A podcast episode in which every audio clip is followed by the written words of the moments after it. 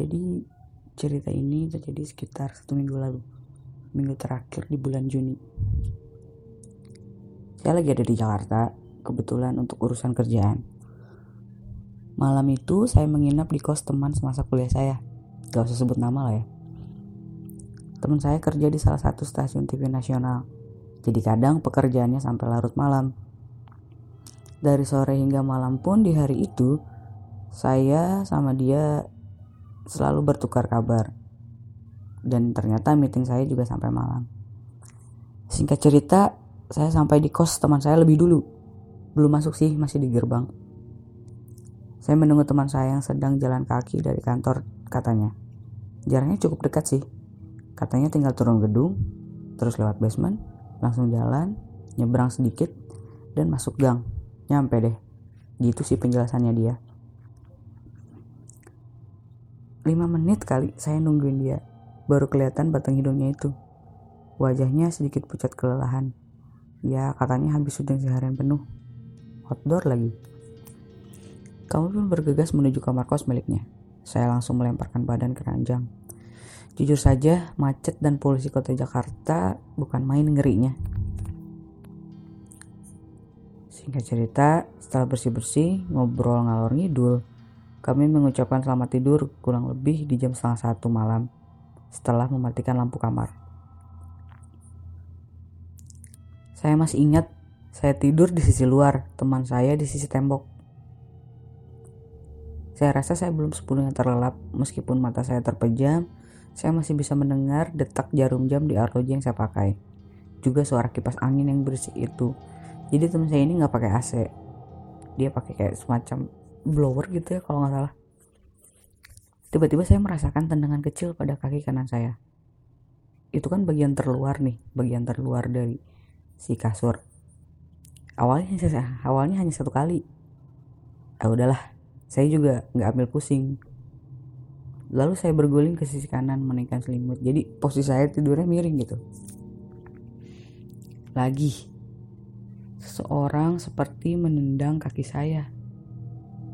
Kali ini tiga kali. Otomatis dong membuat saya langsung bangun. Begitu saya buka mata, saya melihat sosok hitam tinggi besar, rambutnya tebal tapi kasar, bajunya saya nggak bisa lihat seperti apa, posisinya juga membelakangi saya, tapi di kepalanya itu ada tanduk dua kanan kiri. Dan si kepalanya itu bergerak. Ke kanan ke kiri ke kanan ke kiri. Tapi dengan ritme yang nyaris pelan. Saya kaget bukan main. Mau merem lagi udah nggak bisa. Akhirnya cuma bisa nafas dengan terburu-buru gitu loh kayak lo antara takut tapi penasaran dan itu apa sih tiba-tiba dia menggeram. Saya beneran gak bisa ngapa-ngapain waktu itu. Terus dia bilang belum sholat isya jangan ke sini gitu sambil menggeram. Kemudian sosok itu hilang dan saya coba kembali ngatur nafas. Saya melihat teman saya masih terlelap di samping saya gitu tanpa beban dan kayaknya dia nggak dengar apa yang saya dengar jujur malam itu serem banget. Saya bingung mau menggambarkan seperti apa. Tapi yang jelas sosok itu memang saya lihat dan saya mendengar dia ngomong kayak gitu. Besoknya saya pulang ke Bogor sore hari. Teman saya setelah subuh dia sudah berangkat jujur aja saya nggak bisa nyaman ada di kamar itu saya gelisah menunggu pergantian jam sambil tetap mengerjakan tugas kantor saya dan teman saya berencana makan dan ngopi bareng setelah dia selesai kerja. Tapi saya cancel. Saya ingin cepat-cepat keluar dari kamar itu. Begitu dapat kabar teman saya sudah kembali ke kantornya, saya langsung buru-buru bersiap dan pergi dari kamar kos itu. Saya memberikan kunci pada teman saya, berterima kasih atas tumpangannya dan pamit pulang. Sebenarnya agak berat sih karena melihat wajah teman saya yang capek gitu dia butuh refreshing. Mungkin juga ingin cerita gitu satu hari itu dia lalui dengan apa tapi saya nggak bisa bertahan lebih lama lagi gitu di sana. Saya pikir kejadian aneh sudah berhenti sampai di situ. Tapi ternyata enggak saya sampai di stasiun Bogor selepas maghrib. Kemudian saya melanjutkan perjalanan menuju Sentul. Di Belanova saya turun dan berganti menggunakan ojek online. Kalau misalnya yang tahu akses untuk ke Sentul gitu.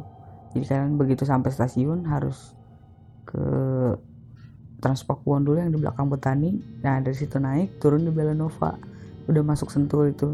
Dan dari situ ke atasnya emang jarang ada kendaraan yang uh, konvensional kalau misalnya udah malam jalanan Sentul City padatnya bukan main. Motor yang saya tumpangi saja tidak bisa salip sana sini.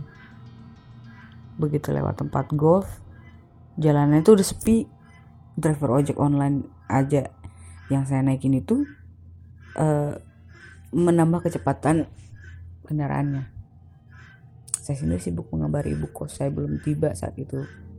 Tiba-tiba entah kenapa motor yang saya tumpangi jatuh ke kanan dan sedikit terseret saya panik kan langsung ke samping jalan karena takut menghambat kendaraan lain banyak warga di situ yang membantu dan para pengendara motor yang sengaja turun. saya diberondongi pertanyaan, pertanyaan kayak, ya baik aja apa yang sakit, bingung. Sebenarnya saya masih sadar dan saya masih bisa menjawab. Tapi saya mendengar di sisi saya itu, driver saya bilang, dia tiba-tiba melihat sosok hitam tinggi besar melintas di jalanan. Itu yang membuat dia oleng dan akhirnya kami jatuh.